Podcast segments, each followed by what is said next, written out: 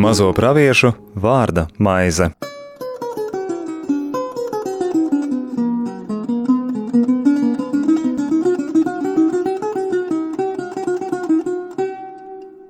Slavēts Jēzus Kristus. Mūžīgi mūžos slavēts.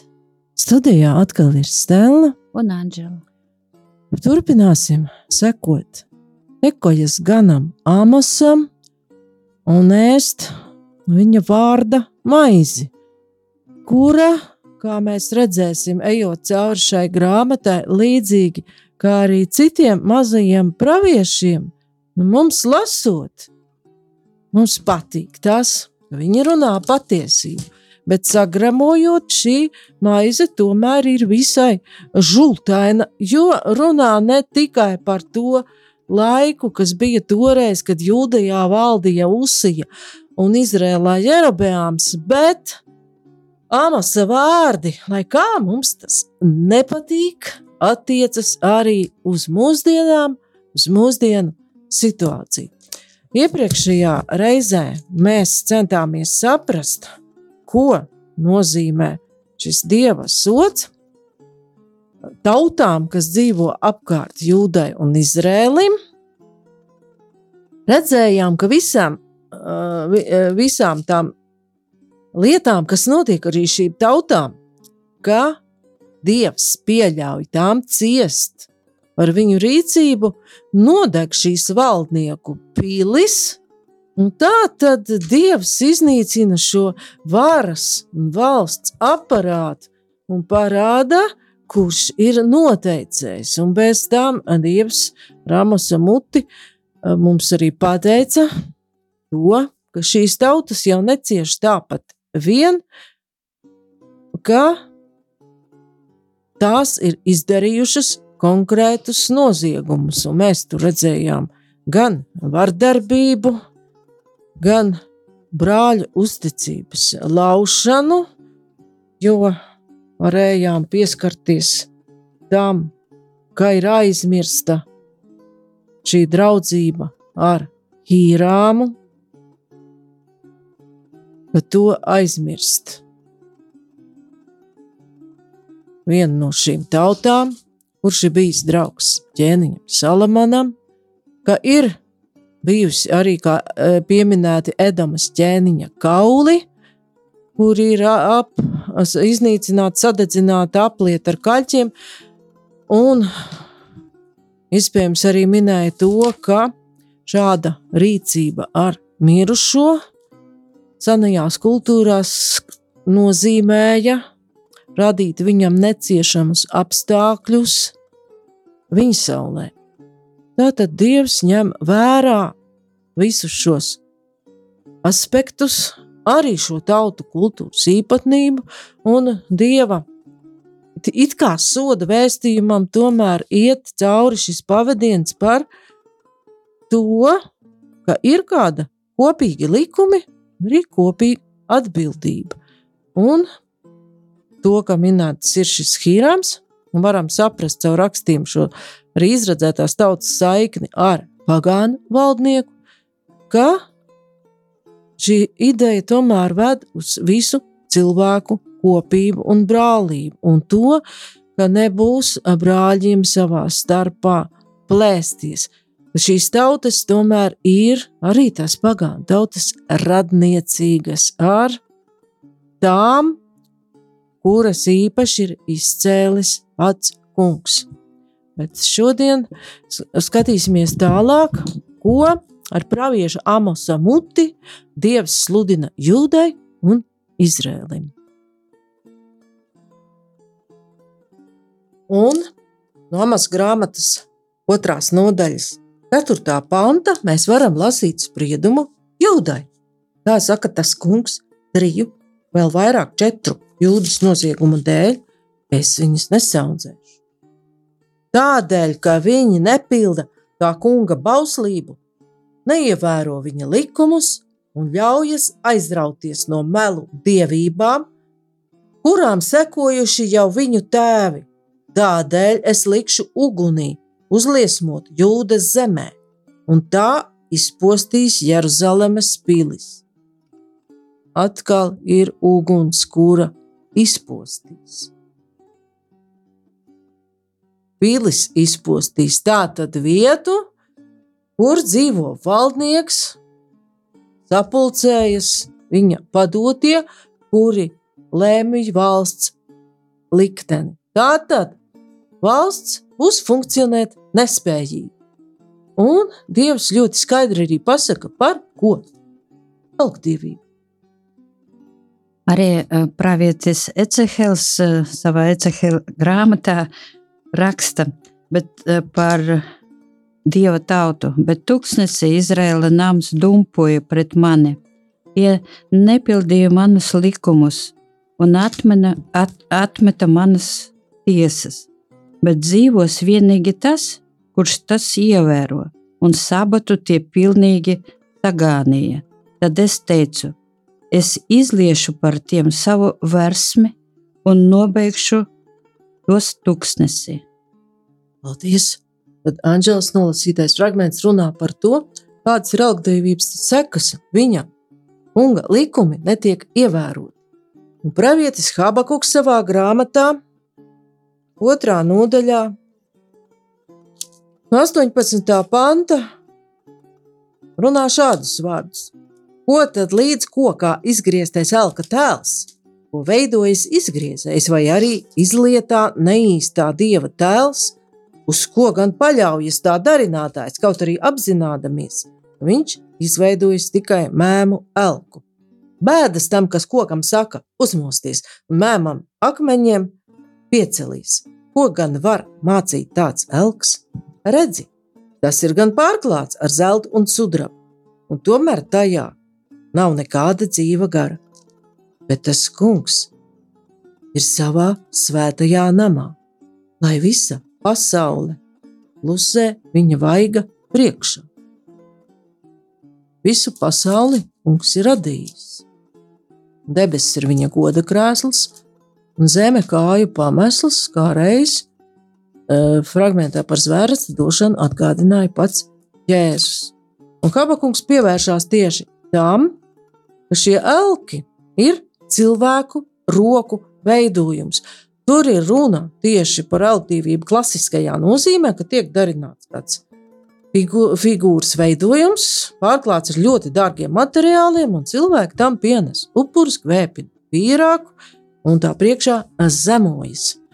Un ka tā vaina ir ļoti veca, mēs varam atcerēties jau no izceļošanas grāmatas, jo nu, tur Mūzes uzkāpa kalnā runāt ar dzīvo dievu, bet kas tad notika pie tā? Kalna, kad Mozus uzkavējās kunga priekšā ilgi.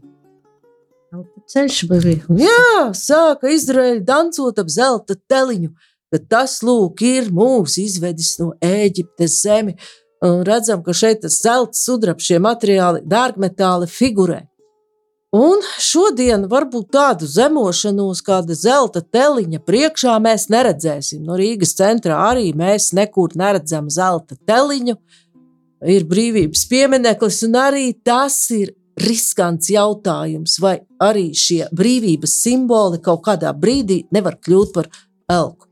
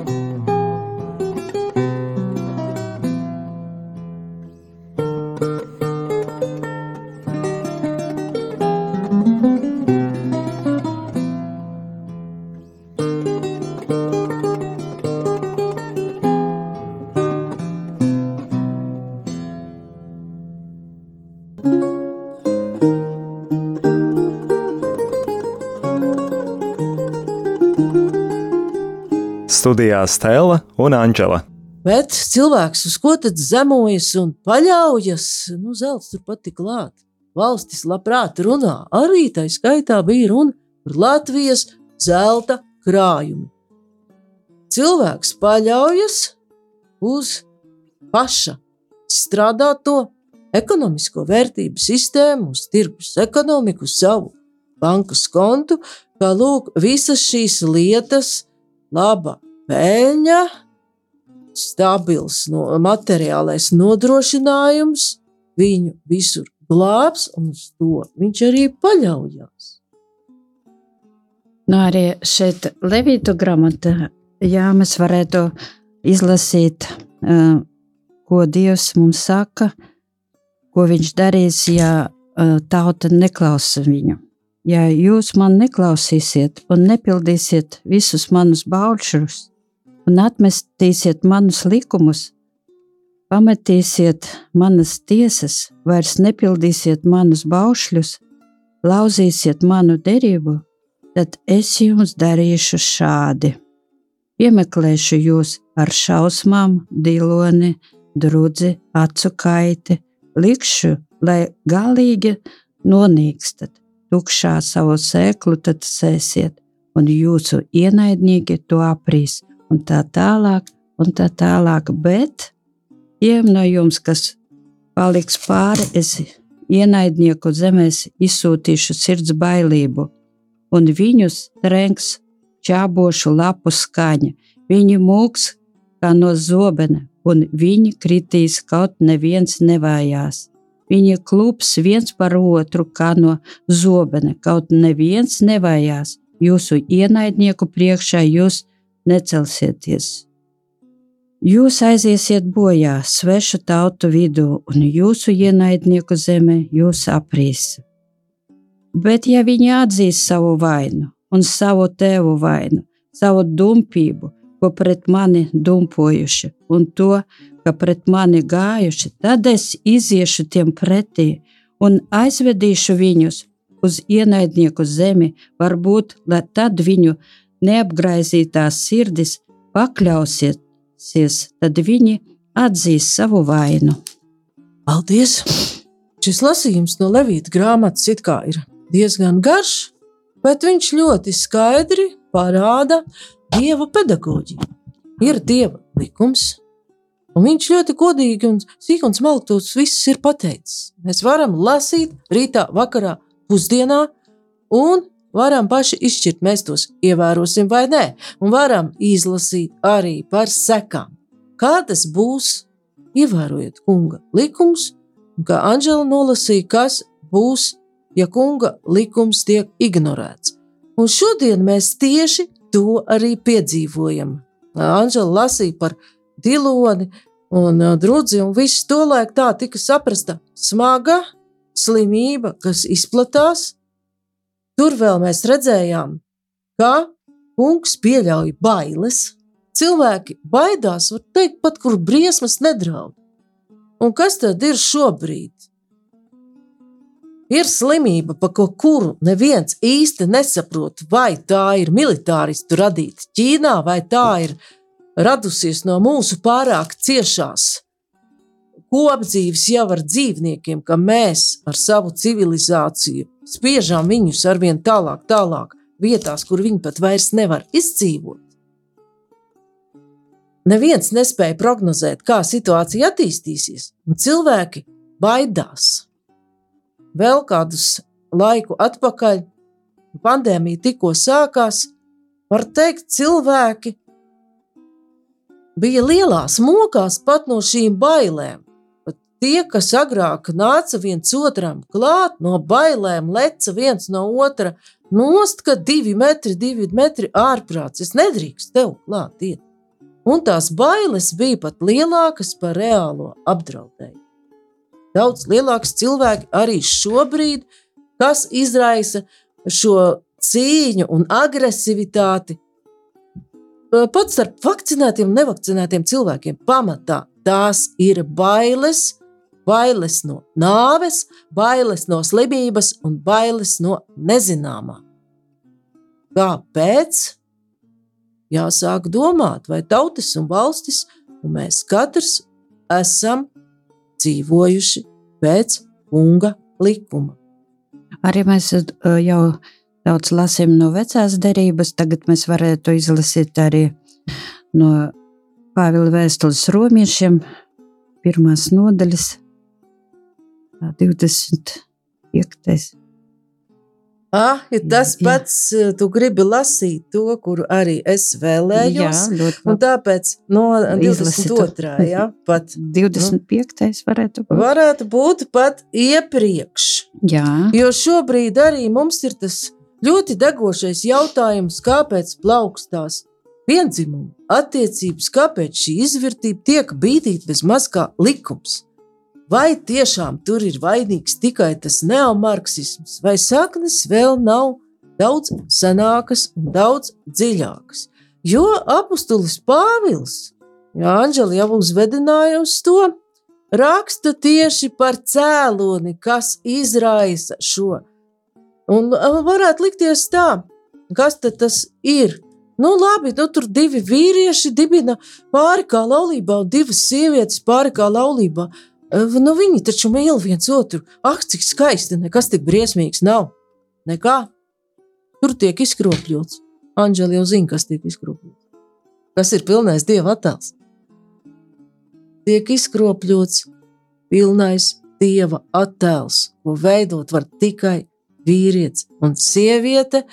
Paši izlasīsiet radīšanas grāmatā, jo citādi es jau kā tāda vista atkārtoju un atkārtoju Un Pāvils parāda to sākumu tam, kas tagad notiek.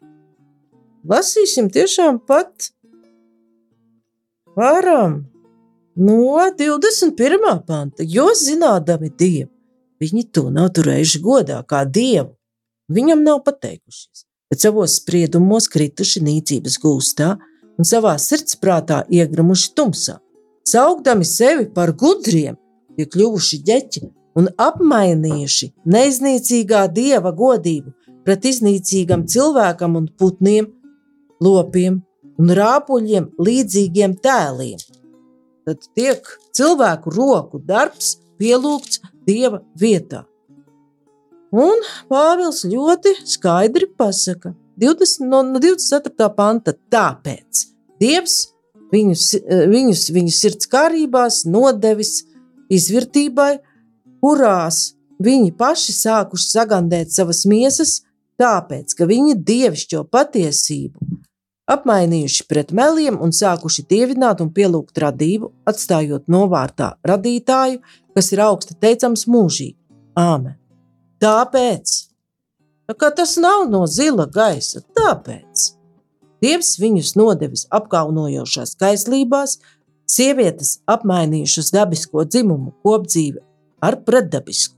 Tāpat arī vīrieši, atmestami dabisko kopdzīvi ar sievieti, cits pret citu iekaisuši savā iekārē, piekopdami netiklību, vīrietis ar vīrieti, paši saņemdami sodu par savu maldīšanos. Tad nu tāpat kā viņi nav turējuši cieņā viņiem doto dieva atziņu, dievs sagandējis viņu prātu, ka viņi dara to, kas neklājas.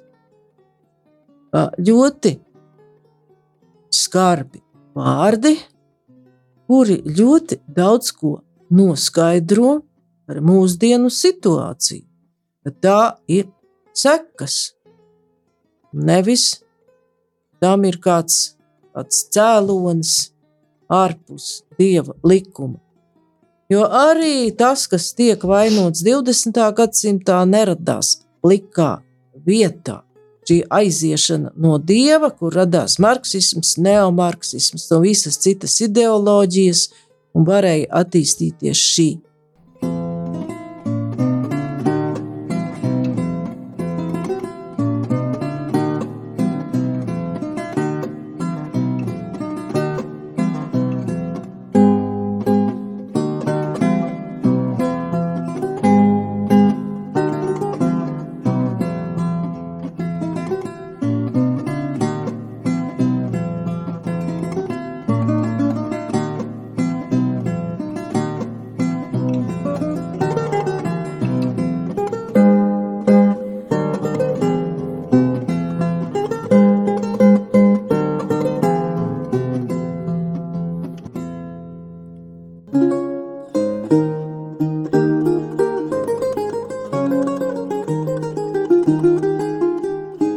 Studijā Stela un Anģela.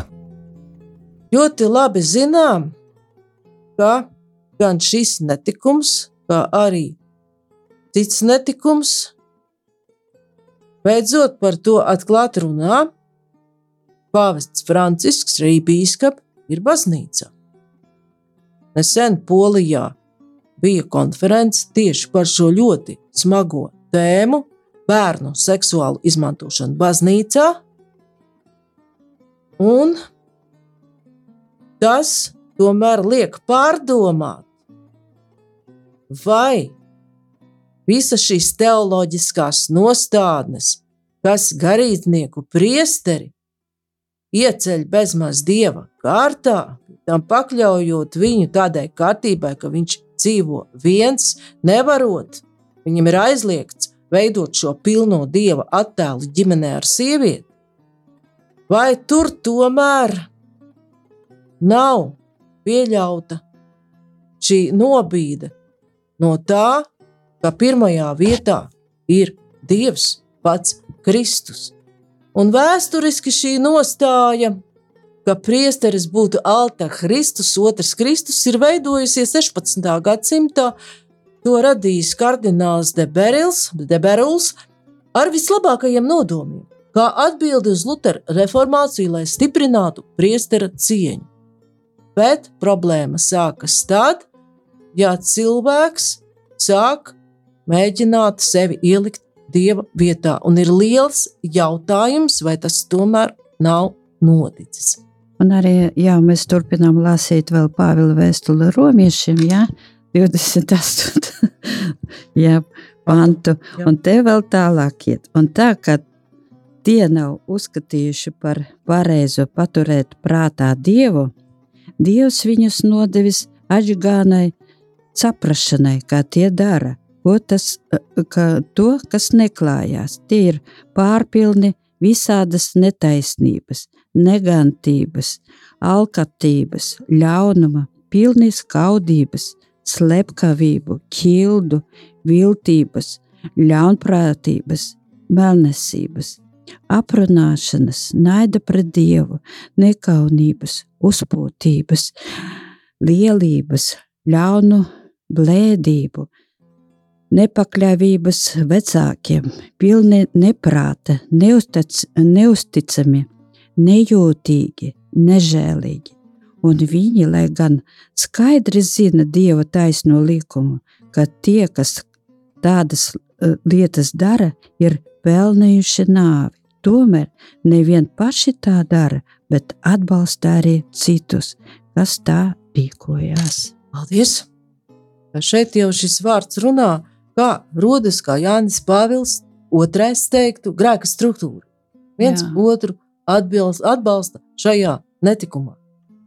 Un te ir vesels grēku katalogs, par kuru mēs Mateja evanģēlijā arī varētu runāt, no kurienes tas iziet, kad no cilvēka sirds iziet, ka Jēzus diskutē par ēšanu, mazgātām vai nemazgātām rokām, un Jēzus saka, nekas mutē iziet, kas, iz, kas ieiet, sagāna cilvēku, bet tas, kas no mutes iziet, un tas jau nāk no sirds, arī viņš uzskaita līdzīgas lietas, kā tās, par kurām ir runājis apustulis Pāvils. Un arī šeit vēl atgādinām, ka kas nepatur prātā Dievu, ja? vai nepatur pra, sirdī Dieva vārdu, vēl varam ja? teikt. Jā, paldies par šiem vārdiem, jo tur ir pat ieslēpta šī atbilde un tāds brīdinājums, ka pat it kā pēc kārtas un visu, it kā esot tuvu dievam, tu vari būt no viņa visai tālu. Un gribot, negribot, viņa vietā esi ielicis savu supercilvēka kārtu, savas zināšanas, savu iespēju valdīt pār tevi nevis pakļautajiem, bet uzticētajiem cilvēkiem. Un šis uzskaitījums jau mūs ved tālāk pie tā, ko pravietis Amos runā Izrēlim. Jo brīdinājums, jeb spriedums Izrēlam ir krietni garāks un ved mūs mazliet citu nodarījumu virzienā. Vēl varam piebilst, ka nedaudz, var, varbūt pat var teikt diezgan, pat nedaudz varbūt vārds ir pamīkstu, atšķirās šis nodarījuma raksturs, kā darīja pagānu tautas un par ko saņēma atmaksu, ko dara Jūda un Izraels. Jo pagānu tautas noziedzās pret Noāsa derību, kas ir dota visai cilvēcei. Un ierakstīta ir derība Dievu, faktiski ir ierakstīta cilvēka sirdsapziņa, ko runā arī apustulis Pāvils. Ka pagāns arī var atšķirt labu no ļauna, un visai labi atšķirt. Viņam sirdsapziņa taču ir. Bet šīs divas tautas ir noziegušās jau tieši pret Dieva doto derību, kuru viņš ir slēdzis ar izredzēto tautu, to īpaši izvēlēdams.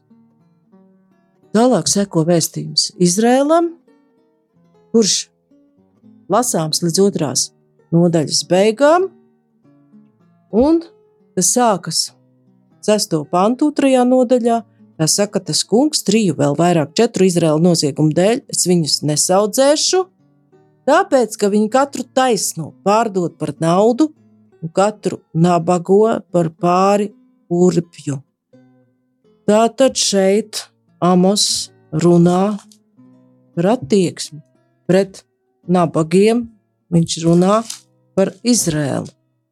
Ir Jerobeām otrā valdīšanas laiks, iepriekš kādā no raidījumiem jau minēju, ka tas bija šai valstī ļoti labs laiks. Tie bija treknie gadi, kādi mums ar tur bija kādu laiku atpakaļ, un par kādiem dēvē arī pirmās Latvijas brīvvalsts laiku. Piens un medus it kā tecēja, bet Amos ir bargs un paredz tautai diezgan traģisku likti. Kā ko mēs šeit redzam? Amos uzrunā šos ierabējām otrā laika turīgos un varenos. Ja mēs tuvāk pētītu par šo laiku, atrastu, ka viņi dzīvo graznās pilīs, dzīvo labi un skaisti, bet to trūcīgo, nabadzīgo neredz Tā tad ir ļoti liela cilvēku noslāņošanās, ko mēs arī tagad, tieši kad ir šī dieva rīkste, slimība patreiz redzam pasaulē, turīgie kļūst vēl treknāki, trūcīgais kļūst vēl trūcīgāks, un ko mēs redzam, diemžēl, arī mūsu valstī. Un ko nozīmē visi šie vārdi? Nu, triju, vēl četru noziegumu dēļ mēs sapratām, ka tas ir saistīts ar šo skaitli septiņi. Tātad nozieguma pilnība.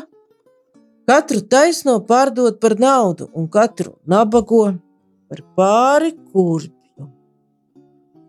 Vājos nostumjot ceļu, kā tēvs, tā dēls iet pie tās pašas netikles, lai padarītu nesvētu manu svēto vārdu, un viņi dzīvo pie altāriem atlaidušies uz drānām, kas iegūtas pret ķīlu, un dzer vīnu, kas iegūts par grēku no žēlnieka soda naudām, sava dieva namā.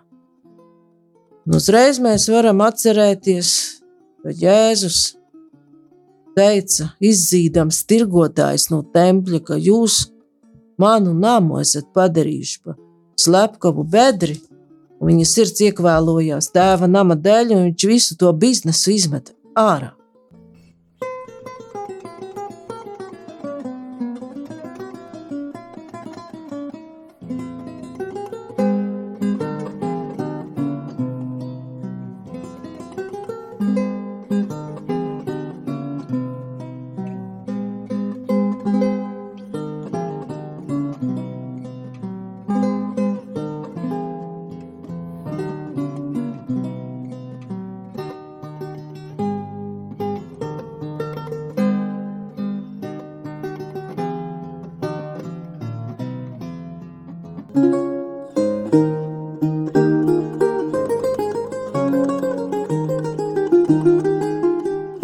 Studijā Stela un Anģela. Arī nu, izceļošanas grāmatā mēs varam lasīt par tiem likumiem, kādi bija doti ebreju tautai. Nedari pāri svešiniekam, un neapspied to, jo jūs paši bijāt svešinieki Eģiptē. Nedari pāri ne atraitnei, ne bārenim, Ja tu tiem darīsi pāri, tie brēktin, brēks uz mani, un es viņu brēkšanu sadzirdēšu.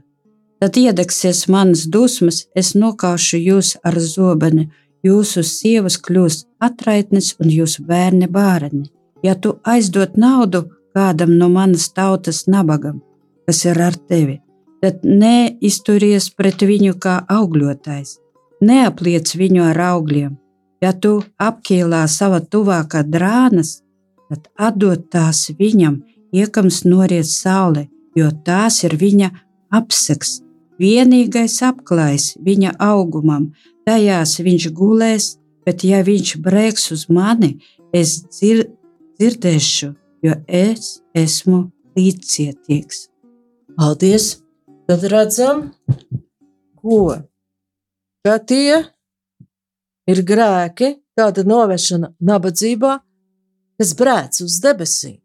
Un 23. nodaļā izceļošanas grāmatā mēs redzam vēl vienu mūsdienās ļoti populāru vietu, un arī tur seko šis brīdinājums neapspīst svešinieku. 23. nodaļa, 8. pants. Varbūt to sastāv lasīt, nesagroz tiesu savam nabagam, kad tas tiesājas. Turies tālu no nepatiesas liecības, nenogalini nevainīgo un taisno jo es neattaisnošu vainīgo. Neņem uzpirkšanas dāvanas, jo tās apstulbo gudro acis un pārgroza taisno lietas. Neapspied svešinieku, jo jūs zināt svešinieka sirdi. Jūs paši bijāt svešinieki Eģiptes zemē. Šī 23. nodaļa izceļošanas grāmatā vairāk parāda, kā cilvēks iedzīvojas šajā rāvēja un plēsēja lomā. Viņš iemanās pat negodīgi tiesāties, viņš iemanās ar kukuli, korupcijas palīdzību, dabūt to, kas viņam nepienāks. Un, nu, ko mēs redzējām vēl, Anžels nolasītajā, neņem no tās sev augļus. Man par šo jautājumu ir bijušas ļoti smagas un ilgas pārdomas. Augļi tie ir procenti no aizdevuma. Un var teikt, ka visa rietumu ekonomika balstās tieši uz šo procentošanu, jo visas bankas darbojas pēc šī procentošanas principa, kuru vecā derība, ja būsim atklāti, kunga likums aizliedz. Tur gan mēs redzam, ka ir minēts no manas tautas. Bet atkārtotā likuma grāmatā 23. nodaļa saka tā, no 20. panta. Tev nebūs prasīt augļus no sava brāļa, nedz augļus no naudas, nedz augļus no pārtikas, nedz augļus no visādām lietām, ko vien var uz augļiem aizdot. No sveša tautieša tu vari prasīt augļus, bet savam brālim ne. Lai tas die, kungs, tavs dievs, tevi svētītu pie visa, ko tavas rokas dara tanī zemē, kuru dodies, lai to iemantu. Bet vai jaunajā derībā vairs pastāv šis nošķīrums, kāda īpaša tauta un sveštauta. Esam visi viena Jā, tauta. Mēs esam, kā teikt, Francisks, Pāvests Francisks, visi ir brāļi. No tā tad izriet par naudas aizdošanu uz augļiem, un šāda veida peļņu ir kā ir. Un iespējams, ka arī tur ir cēlonis ļoti daudzām nelaimēm, kuras cieš rietumu civilizācija kas uz šo sistēmu ļoti paļaujas. Arī šeit gribētos izlasīt vēl Jēkaba vēstuli, ja? atgādinājums laikam mums visiem. otrā no, nodaļa. Mani brāļi, mūsu godības kunga Jēzus Kristus ticība, lai jūsos nesaistās ar raudzīšanos uz personām. Jo, ja jūsu sanāksmē ierastos vīrs greznās drēbēs un ar zelta gredzenu, un ienāktu arī nabaks netīrā apģērbā, bet jūs pievērstu skatienu tam, kurš valkā greznās drēbes, un sacītu: Tu sēdies šeit, goda vietā, bet nabagam pateiktu: Tu pastāvi tur, vai arī apsēdies pie manu kāju soliņa. Vai tad jūs nepieļaujat šķirošanu savā starpā, un vai nekļūstat ļaunprātīgi tiesneši? Vai tad Dievs nav izredzējis tos, kas ir nabagi pasaules priekšā, par bagātiem ticībā un par tās valstības mantiniekiem, ko viņš apsolīja tiem, kas viņu mīl? Paldies! Un Jēkabs, jo tomēr situācija arī labāk ir tāda, kāda tā ir. Un redzam arī visu šo sistēmu, kuram tiek piešķirti tie pabalsti, krīzes, kuram nē. Un izrādās, ka ļoti tiek atbalstīta azartspēļu biznesa un tas, kurš ir trūcīgs un kuram tiešām vajag dažkārt nedabū. Jēkabs, komentējot veco derību, piektajā nodaļā, visus šos it kā pasaules acīs bagātos brīdina. Jūsu zelts un sudrabs ir sarūsējis, viņa rūsa būs jums par liecību un saēdīs jūsu miesas kauguns. Jūs esat sev mantas krājuši pēdējās dienās, raugi alga, atrauta strādniekiem, kas ir nopļāvuši jūsu laukus brēc, un pļāvēja saucieni ir sasnieguši tā kunga cebota ausis. Jūs esat virs zemes dzīvojuši kārumā un baudās, jūs esat savas sirdis barojuši kaujamai dienai. Jūs esat pazem, pazudinājuši, nokāvuši taisno. Viņš jums nepretojas. Kā šeit Jēkabs savā ziņā dod arī komentāru Amasa vārdiem. Bet nākamajā reizē mēs lasīsim tālāk šo brīdinājumu Izraēla tautai, centīsimies vēl dziļāk saprast šo vēstījumu par trūcīgo, nabadzīgo, ko nozīmē tas kurpju pāris, un ko nozīmē arī cilvēka pavedināšana uz ļaunu, mēģinājums viņu ievilkt grēkā, par ko arī Amas runā tālākajā tekstā, brīdinājumā Izrēlē. Bet šoreiz paldies par uzmanību. Studijā bija Stela un Anģela.